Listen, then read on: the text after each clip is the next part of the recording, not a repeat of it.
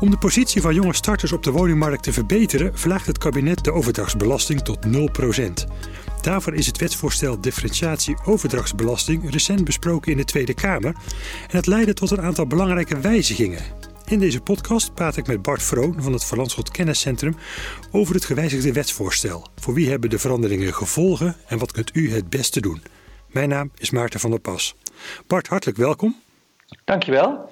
Ja, Bart, en dan moeten we eigenlijk zeggen dat deze podcast is eigenlijk een vervolg op een podcast die wij eh, een aantal weken geleden opnamen. Daarin heb je die wets, eh, dat wetsvoorstel differentiatie overdrachtsbelasting uitgebreid toegelicht. En toen vertelde je ook, herinner ik mij, dat er nog best wel wat haken en ogen aan zitten. Hè? Want zo zei je, ja, dat de jonge starters op de woningmarkt het fiscale voordeel wat ze hebben, omdat ze geen overdrachtsbelasting hoeven te betalen, misschien wel kunnen gebruiken of gaan gebruiken om meer op een woning te bieden, waardoor dus de huizenprijzen verder stijgen. En je vertelde ook dat de plannen nadelig uitpakken voor woningbeleggers, die fors meer overdrachtsbelasting gaan betalen. Misschien even goed om ons eerst eens mee te nemen in wat dat wetsvoorstel voor verandering van de overdrachtsbelasting inhoudt. Ja, nou ja, kijk, ehm, nu is het zo dat, uh, dat we een laag en een hoog tarief kennen voor de overdrachtsbelasting. En een laag tarief van 2% dat geldt voor woningen, of je dat nou zelf gebruikt of als beleggingspand. Mhm. En een hoog tarief voor het overige onroerend goed. En vanaf 1 januari geldt een laag tarief van 2% voor woningen die ook zelf worden bewoond, dus anders dan tijdelijk. En een hoog tarief van 8% voor alle andere onroerende zaken. En als we het over eigen woningen hebben, die worden gekocht door starters, door mensen jonger dan 35 jaar, dan geldt een 0% tarief. En dat zou dus ook kunnen voor woningen van bijvoorbeeld een miljoen die door een starter worden gekocht. Ja. Dit voorstel is eh, door de Tweede Kamer op 12 november goedgekeurd. Mm Ja, en die leeftijdsgrens van 35 jaar en jonger, dat was ook een, een harde vereiste hè, in dit eh, wetsvoorstel. Ja, inderdaad. Dus als je een woning koopt en je bent een stel van eh, de een is 32 en de andere is 37, dan betekent dat dat uh, de jongere persoon voor de helft tegen het 0% kan kopen en de andere koopt dan tegen het lage tarief van 2%. Oké, ja, dat is dus voor die starters op de woningmarkt, maar ook voor de woningbeleggers veranderen ook het een en ander. Ja, voor hen treedt een grote wijziging op. Want zij kunnen nu woningen kopen tegen het lage tarief van 2%. En vanaf 1 januari is dat dus een tarief van 8%. En dat veroorzaakt nu die enorme drukte voor makelaars en notarissen op de markt. Uh, die woningbeleggers willen nog tegen het lage tarief kopen. En mhm. kopen ze tegen het hoge tarief, ja, dan hebben ze dat drukt dus hun rendement. Maar ja, zij kopen dus wel uh, voor een langere periode, dus de impact op hun rendement lijkt dan wel beperkt. Maar ze hebben toch minder budget, bijvoorbeeld om uh, te investeren in duurzaamheid. En het kan ook leiden tot hogere huren. En ja. deze beleggers, ja, die lijken zich dus niet te laten afschrikken door uh, nieuwe maatregelen zoals zelfbewoningsplicht, wat je wel hoort. Mm -hmm. En ook het uh, aftoppen van de, de bovengrens van huurverhogingen in de vrije sector, die door het kabinet uh, als voorstel worden geopperd. Ja, maar ze hebben inderdaad nog wel haast om in ieder geval voor het einde van het jaar, voor 1 januari, eventueel een woning op hun naam te hebben staan. Ja, inderdaad. Ja. ja. En Bart, wat vond er nou precies in dat wetsvoorstel? Wat heeft de Tweede Kamer nou veranderd? Ja, dus we hebben het bij die starters hebben we het over kopers onder de 35 jaar.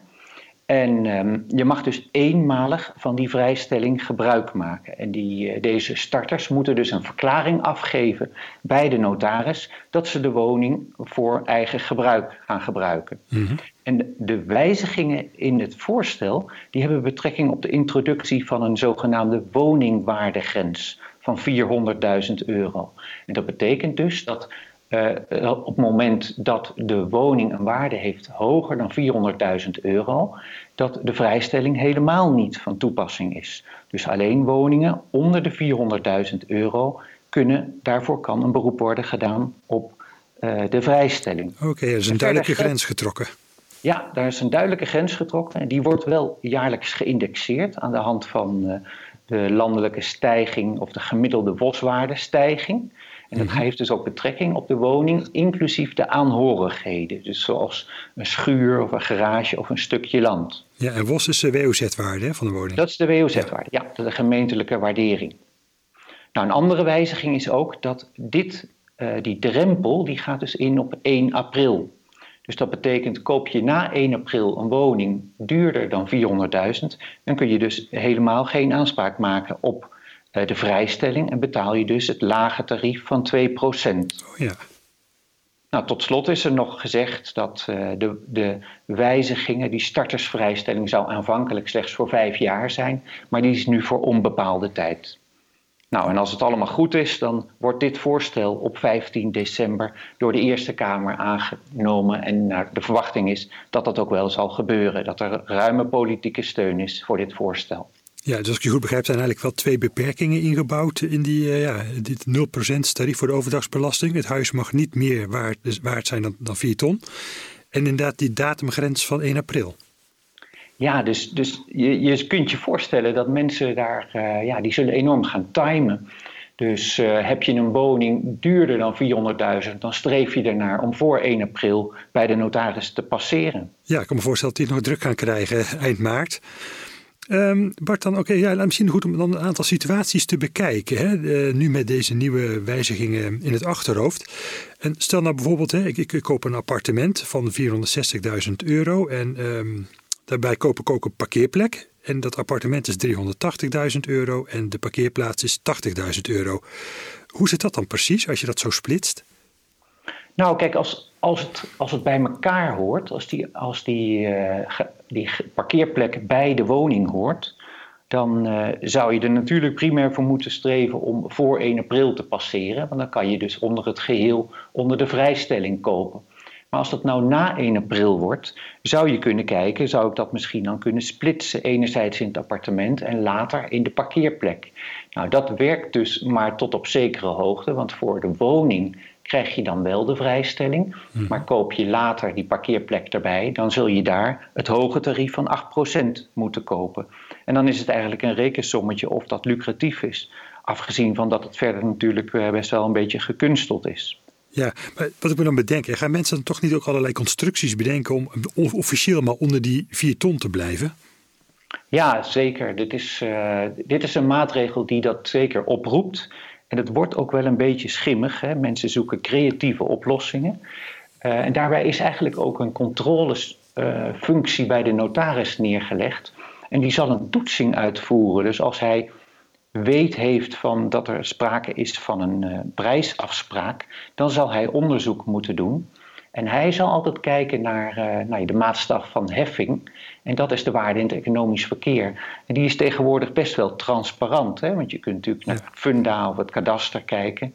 En de makelaar die passeert natuurlijk zelf ook veel woningen. Dus die weet best wel uh, wat, een, wat de actuele prijs van die woning is. En daar moet de notaris van uitgaan. En komt die na 1 april boven de 400.000 euro uit, dan moet hij dus het, hoge of het, het tarief van 2% in rekening brengen. Ja, ja. En een andere situatie, Bart, bijvoorbeeld met de afkoop van erfpacht. Hè? Stel, ik ben eigenaar van een appartement in Amsterdam en ik krijg de gelegenheid om erfpacht af te kopen. Kan ik dan ook een beroep doen op het 0% tarief en het 2% tarief? Ja, zeker. Dat is dus mogelijk. Dus, uh, en dat is zelfs ongeacht de waarde van het appartement zelf. Dus stel je hebt een appartement van, uh, van bijvoorbeeld 800.000 euro. Uh, dan zou je dus het erfpachtsrecht kunnen afkopen, mits dat minder is dan 400.000 euro. En dan als je zelf dus als bewoner jonger bent dan 35, dan is de overdrachtsbelasting over die afkoopsom is 0%. En ben je ouder, dan is het 2%. Ja, dat is duidelijk. En misschien een andere situatie die veel, veel komt. Bart, ouders hebben een appartement uh, gekocht en verhuren dat aan hun studerende kind. Die gebruikt dat als, als woning. Is het dan voor hen nog goed om dat te blijven verhuren? Of moet het dan misschien juist gaan verkopen aan hun kind?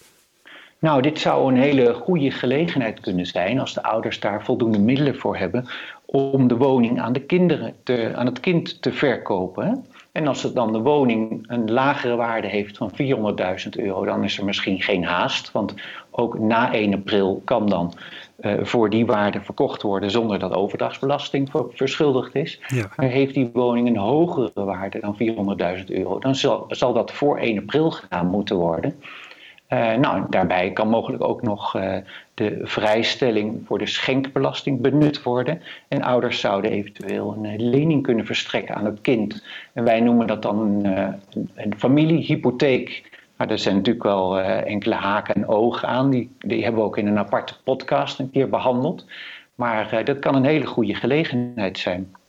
Ja, maar als ik je zo goed beluister, Bart, is het eigenlijk best wel complex. Er komt ook heel veel aan op de timing, die enorm van, van belang is. Heb je tot slot nog een enkel, uh, enkele tips voor klanten van Verlandschot? Zeker. De, je kunt kijken naar de particuliere woningbeleggers. Nou, die zullen natuurlijk alles aan doen om nog voor het einde van het jaar uh, die woning op hun naam te krijgen. Want dan gebeurt dat nog tegen dat lage 2% tarief. Uh, nou, wat ik net al besprak, de situatie waarin ouders een appartement hebben dat ze aan hun kind verhuren, ter beschikking stellen. Ze zouden dat aan het kind over kunnen dragen, met, al dan niet met een hypotheek die ze aan het kind verstrekken. Een beroep doen op die vrijstelling voor, de aankoop van de eigen woning. En tot slot, ja, voor starters wordt het natuurlijk ook een hele race. Zij zullen er naar streven om te passeren hun woning bij de notaris te passeren voor 1 april, als het om een woning gaat, duurder dan 400.000. En wordt de woning, ja, is de woning pas later beschikbaar, ja, dan zouden zij nou, helaas misschien toch dat 2% tarief moeten betalen als de woning duurder is dan 400.000 euro.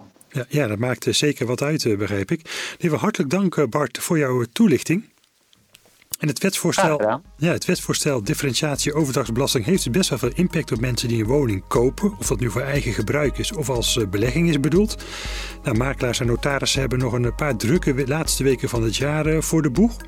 Het is een complex onderwerp ja, waarbij veel aankomt op de waarde van de woning en het moment van overdracht. En wilt u daar nou meer over weten en ook over de impact van de aanpassingen in de overdrachtsbelasting uh, ja, voor uw situatie? Neemt u dan contact op met uw banker of adviseur. In deze podcast noemde Bart ook al even de familiehypotheek. Uh, wilt u daar nou meer over weten? Beluister dan ook onze podcast Help uw kind op de woningmarkt met de familiehypotheek. Ik bedank u voor het luisteren.